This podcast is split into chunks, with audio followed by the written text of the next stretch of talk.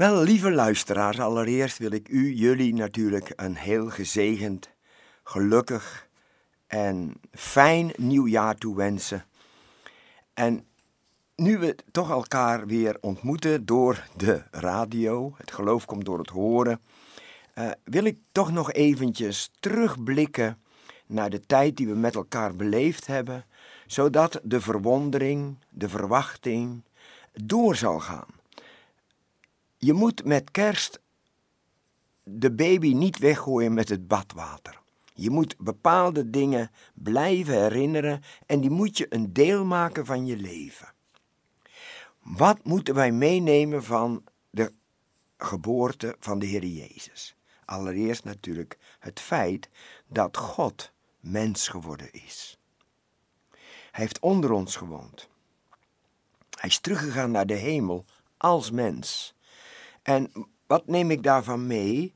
Hij kan met mij meevoelen. Hij weet waar ik doorheen ga. Hij is niet ver weg. Hij is zo dicht mogelijk naar ons toegekomen. Voor de herders lag hij in een voederbak. Voor de wijzen was hij in een huis. De wijzen voelden zich thuis in een huis. De herders voelden zich thuis bij een voederbak. En dat is het doel van zijn eerste komst. Er zijn nog andere belangrijke facetten vanwege zijn komst op aarde. In Matthäus 1, vers 21 staat dat hij is gekomen om ons te redden van onze zonden. Wij kunnen onszelf niet redden. En dat is frustrerend.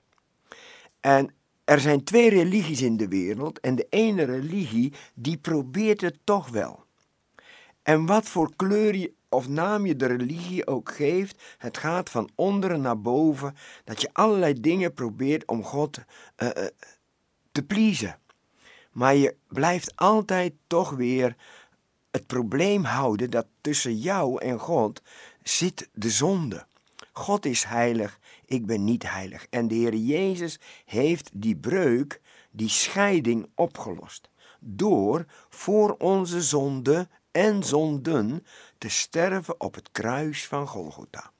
Dat was zijn doel. Hij wist dat wij onszelf niet konden redden. Daarom is hij als de grote redder gekomen. Houd dat vast iedere dag van je leven. Dank hem daarvoor. Het tweede waarom de Heer Jezus gekomen is, is om ons een juist godsbeeld te geven. Je kunt echt niet zeggen: Ik geloof in God, maar ik heb niets met Jezus. Dat kan niet. Dan blijft de toren van God op je en dan leef je met een verkeerd godsbeeld. Lees het alstublieft even in Johannes 5, vers 19 tot 23. Dan zie je de Vader en de Zoon in harmonie samen werken. Dan zie je de Vader en de Zoon in harmonie samen liefhebben. Dan zie je de Vader en de Zoon samen leven in autoriteit. Je zou denken, God heeft de wereld geschapen. Maar als je dat dan leest in Johannes 1 vers 2 en Colossense 1 vers 16, dan kom je erachter dat de Heer Jezus de hemel en de aarde geschapen heeft en die onderhoudt. De Heer Jezus heeft dat probleem opgelost door te zeggen: Ik en de Vader, wij zijn één. En dat is zo heerlijk, dat wij in die twee één zien. Het derde, wat zo belangrijk is om mee te nemen voor de rest van je leven, staat in 1 Johannes 3, vers 8. De Jezus is gekomen om de werken van de duivel te verbreken. Hij kwam met de autoriteit van de hemel en door zijn wandeling op aarde uh, bevrijdde hij mensen die demonisch belast waren. Uh, genas hij de zieken, deed hij de doden doen opstaan, maar zijn grootste overwinning heeft hij volbracht. En iets wat vol is, daar kan niets meer bij, op het kruis van Golgotha. Daar heeft hij de laatste vijand teniet gedaan. En de laatste vijand waar wij mee te maken hebben en waar wij niet van kunnen weglopen, dat is de dood. En hij heeft de dood overwonnen. Want na drie dagen is de Heer Jezus opgestaan. En dat is het bewijs dat de dood geen macht meer over mij heeft. Hebreeën 2, vers 14 en 15 bemoedigt mij dat ik niet langer in angst hoef te leven gedurende mijn leven en gedurende mijn sterven, want het probleem van de dood is opgelost. Als ik dit lichamelijk lichaam ermee ophoud, dan mag ik weten dat ik voor eeuwig bij de Heere mag wonen. Hij is voor mij nu, als gelovige, een plaats aan het voorbereiden. Dat is goed nieuws. Neem zulke dingen mee in je leven. De Heer Jezus is gekomen om het zonde- en zondenprobleem op te lossen. Er is niemand die dat kon. De Heer Jezus is gekomen zodat wij leven met een juist godsbeeld. De Heer Jezus is gekomen om de werken van de duivel te verbreken. En daarom word ik steeds vrijer. Wordt de verwondering steeds groter, want die bolwerken die in mij waren, worden verbroken door de gehoorzaamheid. 2 Korinthe 10, vers 4 en 5. Iedere keer als Jozef reageerde in gehoorzaamheid, staat erachter, zodat de schrift vervuld werd.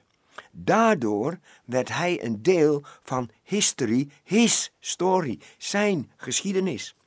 En dat is ook voor jou. Daarvoor is hij gekomen, om ons van binnenuit te veranderen naar zijn beeld. Dat is pas leven. Aanvaard dat leven nu. Omhels hem als je redder, zodat je hem niet ontmoet als je rechter. Heden, indien jij zijn stem hoort, verhard je hart niet, maar omhels degene die voor jou gekomen is. Als we nog even terugblikken aan het begin van het nieuwe jaar, naar die tijd die we met elkaar beleefd hebben, de eerste komst van de Messias, als de Heere zich aan mensen openbaarde via de engel, dan krijg je constant dezelfde reactie. Dat de engel moet zeggen tegen die mensen, het zij Zacharia, het zij Maria, vrees niet. Dus dat maakt mij duidelijk dat ze reageerden in angst. En angst, dat kan je verlammen.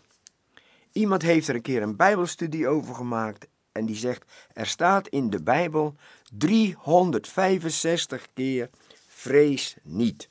Dus voor iedere dag heb je die belofte dat je niet hoeft te wandelen in vrees, maar dat je kunt wandelen in geloof, in vertrouwen. Vrees niet. Steeds als ik in mijn leven met een probleem kom dat ik niet op kan lossen, of ik zit met een pijn, dan heb ik mij aangeleerd om het volgende te zeggen. Voor dit heb ik Jezus. Ik zeg dan niet, voor dit had ik Jezus, of voor dit zal ik Jezus hebben. Nee, voor dit heb ik, puntje, puntje, puntje, Jezus. En wat het ook is, daar heb ik de Heer Jezus voor. Pas ontmoette ik iemand en die zat helemaal in de put. Toen zei zijn vrouw, je moet eens naar de dominee gaan, joh. En de dominee die gaf die beste jongen een vers. 1 Petrus 5, vers 7. Werpt al uw bekommernissen op hem, want hij zorgt voor u. Iemand zei gisteren, God wil ons ontvrezen. Hij wil dus dat we afhandelen met die vrees en gaan wandelen in vertrouwen. Pas was er iemand die was depressief. En toen zei een ander tegen hem: Joh, kijk toch eens naar boven. En toen hij naar boven keek, wat zag hij daar? Hij zag een hele koppel ganzen. En toen is hij gaan googelen over het karakter van de ganzen. En hij heeft daar drie dingen van geleerd. Wel, ze vliegen in de V-vorm.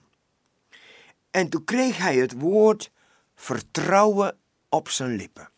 De V van vertrouwen. Vorige week was ik bij een begrafenis van een goede vriend die altijd meegaat naar Afrika. En hij had een bordje gekregen van zijn oma. Wentel uw weg op de Heere, vertrouw op Hem, Hij zal het maken. Wentelen betekent afrollen. Hem vertrouwen en dan ligt het balletje bij Hem om de belofte na te komen dat Hij het zal maken. Soms als ik een lollige bui heb, zeg ik: geen stress, lees Matthäus 6. Vertrouwen, dat was het eerste wat die man leerde van die vliegende zwanen. Het tweede wat hij leerde was: als er een zwaan is die voorop vliegt, moe wordt, dan neemt de volgende zwaan het van hem over. Je ziet dat ook als ze fietsen of de Tour de France, dan nemen ze het steeds van elkaar over, zodat ze in de wind kunnen gaan fietsen, want dan, ja, dan zuig, word je meegezogen. Ik weet dat nog wel vroeger op school, dan probeer je altijd aan te haken bij iemand om in de wind te rijden. En dat vind ik ook zo mooi van de zwanen. Als er iemand moe wordt, dan is er altijd iemand om het over te nemen. En dat moeten wij ook leren. Ik kan het christenleven niet leven. Voor dit heb ik Jezus. Hij is gekomen om ons te dienen. Voor het kruis, na het kruis. Geef hem die ruimte om jou te helpen vandaag. Als je moe en belast bent, zegt hij: Kom tot mij.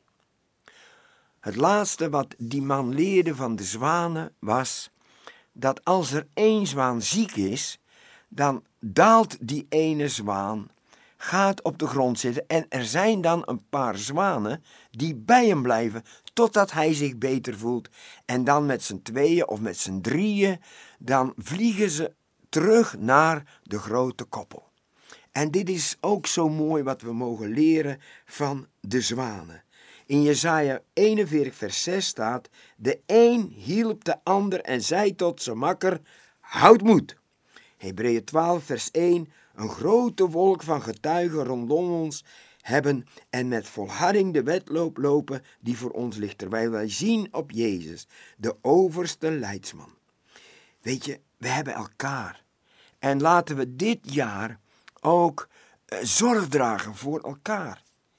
Uh, laten we dat leren en meenemen in ons leven van de zwanen. 1.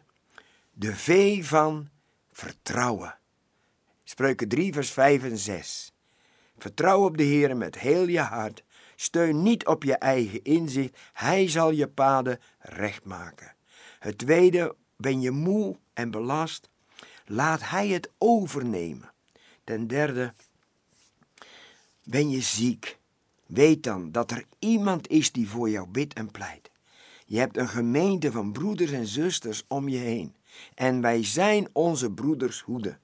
Wij zijn hier geen eiland. Wij zijn een lichaam. En laten we leren van de zwanen om zorg te dragen voor elkaar, zodat we gezond zijn en weer verder mogen.